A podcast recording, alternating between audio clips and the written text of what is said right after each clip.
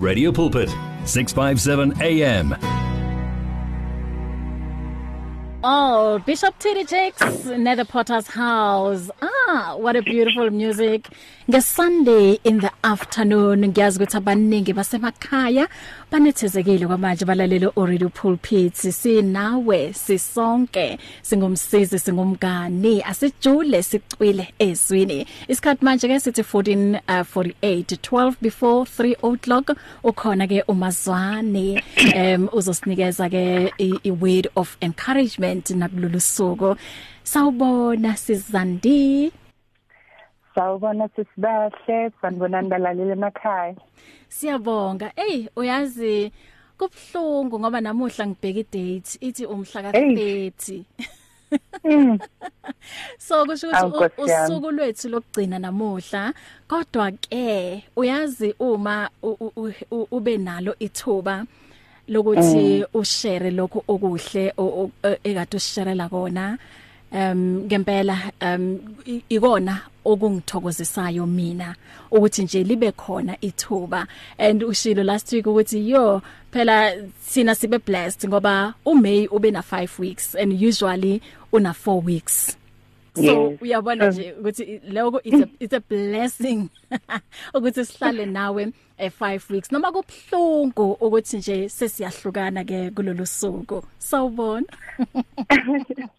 Sawubona sawubona futhi sisihle Mhm. no you you know what uh mas masingabi khulungu you know? Yeah. um mas celebrate because i Sunday ye bonus le yabona? So i Sunday of grace kahle kahle. Yes yes so masijabulele lokho let's look at it that way ukuthi uNkulunkulu usithande waze wasenzela nomusa ukuthi sibe nevikeli extra yebo yebo Mhm. yes yes sisibahle Sesivala ke namuhla um usiphatheleni and uh, siku Visionathon 2021 um as well Mm. so um sila ku giving uyabona nje Yes. sikulo moya we giving and Yes. ngiyazi ukuthi nawe kukhona nje usiphathele kona um to ukus encourage nokusmotivate singabazalwane Mhm, ukuthi mhm. asiluleni izandla asinikeleni Mhm. ukuze lo msakazo uqhubekele phambili True, true sisihle. Ngabe sikuphi sisibahle ngabe sikhulumathi ngaphandle kwalomsakazo. Bayingakho abantu emakhaya abahlezi eh looking forward to ilanga lanamhlanje ukuthi uzofika usisibahle eh zizofika nezikhulumi zizosikhuthaza uNkulunkulu phela kwesinye isikhathi usebenzisa abantu ukuthi bakhulu bakhulumisane nesimo obhekene naso Yeah. uthola ukuthi wena uyayibuza uyayiphendula awazi ukuthi impendulo izovelaphi bese uthi usamamele ku radio pulpit uNkulunkulu abathumele umuntu ozokhulumisana nesimo obhe- obhekane naso. Kwesinye isikhathi akhuluma into ezoba impendulothi umkhuleko wakho. So siyawudinga lo msakazo. Wenza umsebenzi omkhulu kakhulu. Ngiya- ngiyabagqugquzela abalaleli emakhaya umhlaba wonke ukuthi masivule inhliziyo zethu sinikele impela ukuthi kukwazi ukurepaireka ama equipment ukuthenge kokusha si- sikwazi ukuba updated. Uyabona ukuthi nefone sesibahle ihlala hlala ifuna uyenze update ufuna Yeah. yenze update. Mhm. okusho ukuthi i- i i- technology le es- e- e- esebenzayo nje eh, akumele ngibe ibe too outdated. Izogcina ingasakwazi ukusebenza. Yayibona? So Aha. nje i am just pleading to abalaleli emakhaya ukuthi bavule inhliziyo zabo banikele generously yabona? Mhm. Ku- kungabi into yokuthi hayi ngizobanye bathi 100 rand abanye bathi 200 uthola ukuthi mhlambe wena usesimeni la ungakwazi ukwenza u5000 uwenza u10000 uyanikela uyatshala. Ukhumbula ukuthi ku Matthew 28 eh sinikezwe imandate ukuthi masiphume siyoshumayela Mm, yayibona? yeah. so u reacha kanjani umhlaba? Mhl- u- u- u- mhlambe awukazi uphume nase South Africa. Mm. u reacha kanjani umhlaba? Umhlaba u reacha em ngeindawo ezifana ne radio pulpit where you know there's people from everywhere emhlabeni wonke eh, abalalele through i radio abalalele through eh, i social media through i website yakhona. Kanjalo when you doing as i'm speaking now I am actually preaching to everyone. I'm reaching people that I've never even seen. You know some I'll never even see until I die but I'm able to reach those people. So ubalekile kakhulu kakhulu umsakazo. Eh you know what? We, we should just all nje sivule inhliziyo zethu sivule ikhwama zethu. And God will bless us graciously. Siyazi ukuthi naseBhayibhelini kuyakhulunywa kakhulu ukuthi isandla siphayo sibusekile kunesamukelayo. And what i radio pulpit is doing every day day and night iyanikela iyanikela. Ungavulela umsakazo ngo12 ebusuku ungavulela umsakazo ngo3 ekseni mhlambe uzizwa uphansi ungafikelwa na ubuthongo inkinga zikuphethe sisibahle. Uzovulela umsakazo kukhala umculo ozophakamisa umoya wakho uthola ukuthi ubudumele crushed. You know uthole umusic ozokuuplifta uthole izwi likaNkuluNkulu elizokuphakamisa elizokunikeza even ama solutions to inkinga zakho you know. So nje i'm just pleading with everyone ukuthi eh sithi phambili nge radio pulpit sithi phambili nge vision. Masinikeleni sivuleni inhliziyo zethu. Namhlanje sisibahle eh just thinking about eh i vision. Mm. ngifikelwe i topic that abomama are, are not strangers to indaba yothando sisibahle. Eh mhm. omama i think yibo abantu esingathi yazi akekho umuntu okwazi ukuthanda njengomama. Mm. yebo siyazi ukuthi bakhona abomama endapha balahla abantwana ngezathu thize. But you know labo abomama who have gone through izinto ekumele badile nazo. Kodwa naturally umuntu owumama a, a woman eh naturally uzalwa enothando. Inhliziyo yakhe inene inene sisibahle you know uNkulunkulu uyakhumbula 2 weeks ago mangikhuluma ngokuthi uNkulunkulu usenze in his image sisonke mm-hmm. but khona ama characteristics our awanikeze omama that no one else can can have them like abomama mm. you know. And uthando is one of those. Lithi iBhayibheli lapha ku kulona ku first John eh verse 4 eh u chapter 4 verse 8 lithi he who does not love does not know God for God is love ngesizulu um okay okay ithi ngayisho ngesizulu ke eh, but you know iyazisho ukuthi ongathandi eh akamazi uNkulunkulu ngoba uNkulunkulu uthando mm. nayi that characteristic uNkulunkulu ayilahlele kithi wathi eh labantu laba ngizobapha uthando ukuthi bakwazi ukuthanda njengami mm. okusho ukuthi nje mawumuntu okwazi ukuthanda unobunkulunkulu kuwe une characteristic e, e, ekaNkulunkulu qobo lwakhe mm. ubuyena lobo and uthando silibonisa ngani silibonisa ngezenzo sisibahle eh mm-hmm. angeke uthi uyathanda ungabonisi mm. yingakho eh umama uzophuma ekhaya athi mhlambe yazi ngisebenza kanzima. Angisena iqhathulo awuthi ngihambe ngiye mall ngiyoyithengela iqhathulo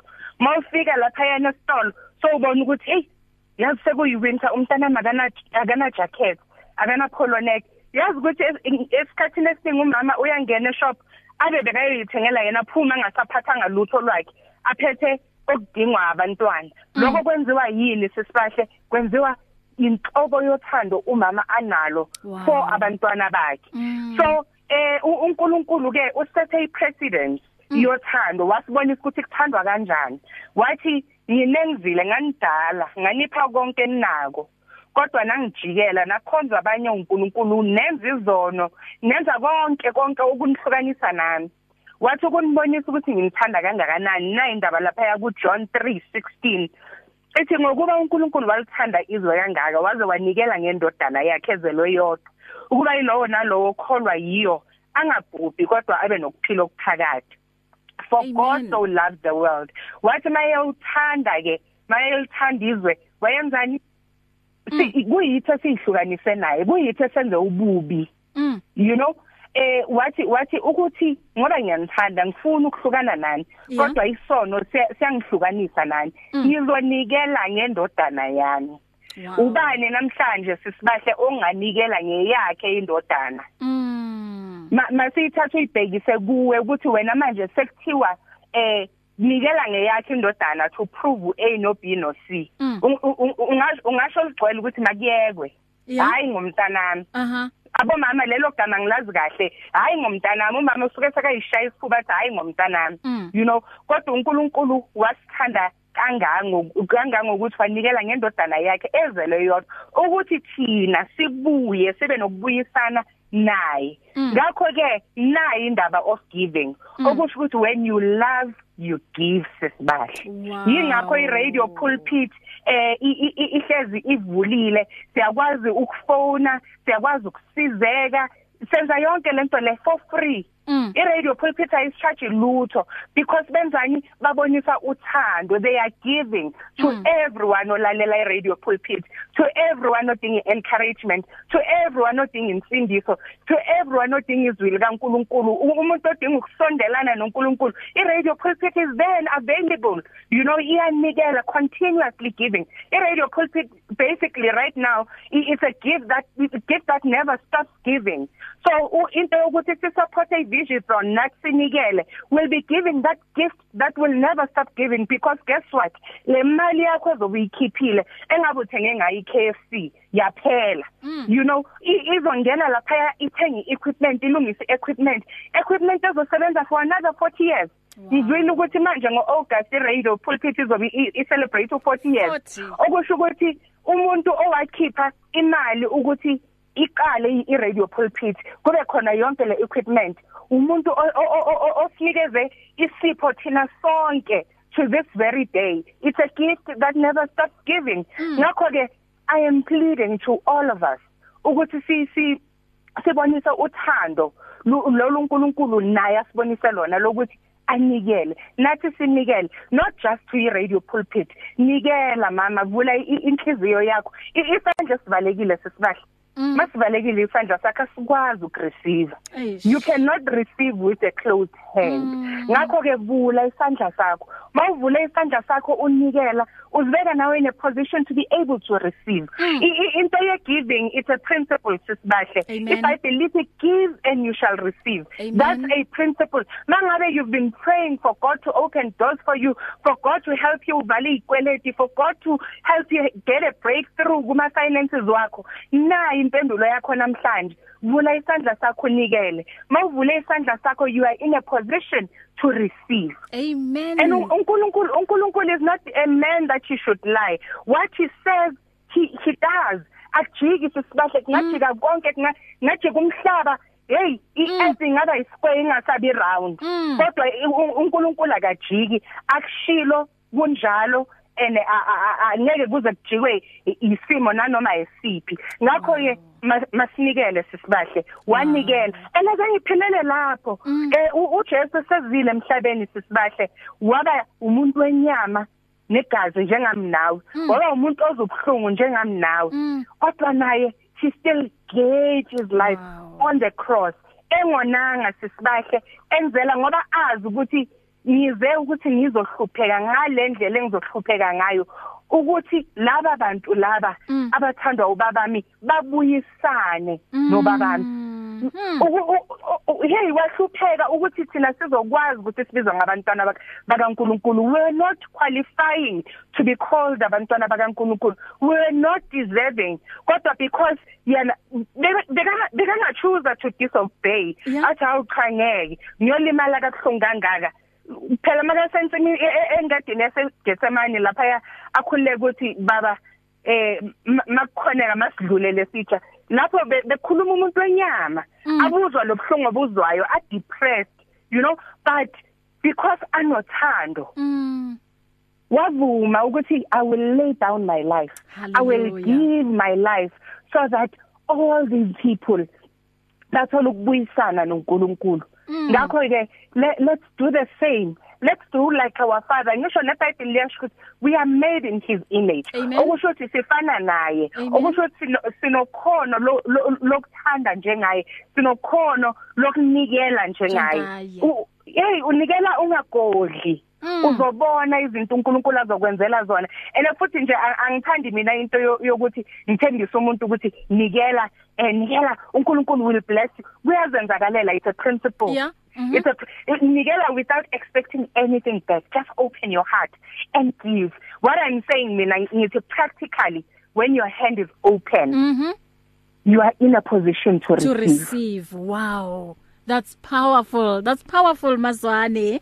Eh ubongani the author uthi hey Zandizwane yakhuluma intombazana uthi #2021 Visionathon when we love we give. Uthi let us give to this great vision ye radio pulpit SMS give to 37871 and pledge an amount you will give. Lalela ke em Sizandi. Yes, sister. Okay, before ulalela la um um utholakala kuphi uZandile? Uyatholakala on WhatsApp ku 071 7250216 ngiyayiphinda 071 7250216 ukhona futhi kuma social media platforms. Ihandle uzandizwane. Uzandiwani akana i uno y. zandizwane ngikhona ku Facebook ngikhona ku Instagram na ku Twitter ke futhi ngikhona. Wow. Lalela ke lento bengifuna ukuthi uyilalele. Ungahambi ne? Lalela. Okay okay. For over 20 years Radio Pulpit has been a friend and a great companion. Entering into households big and small bringing hope to the hopeless and enriching lives. I invite you today to join forces with Radio Pulpit and help it reach billions of lives out there Go therefore and make disciples of all nations Would you like to be part of this great commission in Radio Pulpit's 2021 Visionathon? SMS give to 37871. That's give to 37871. Remember, no amount is too little. No life is too small. Owakabani lo? Oh Christian. Hi man, this family, this family. Ay, abomangethi hayi cha niyayenza into yeni lapha kwamangethi Ah ungithathe ngesurprise ke la. Wow mangethe bongani the author thank you so much.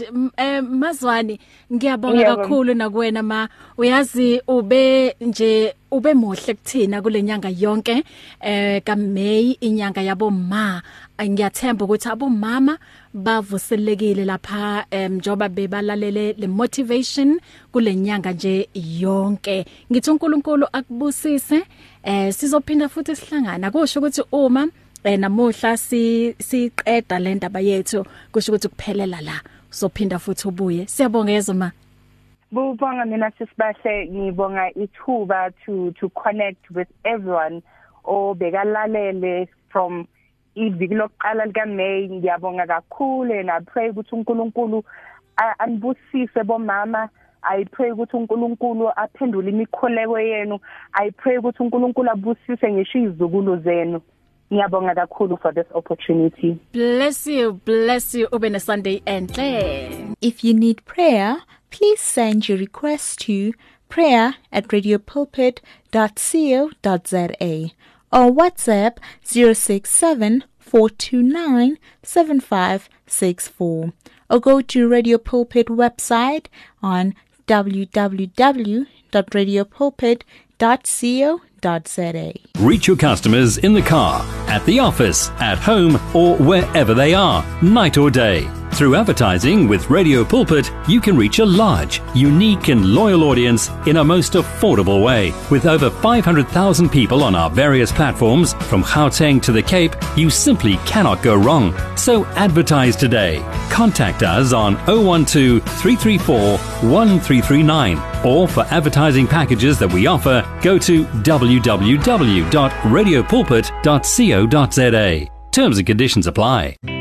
You and 657 AM and life, a winning team on the road to eternity.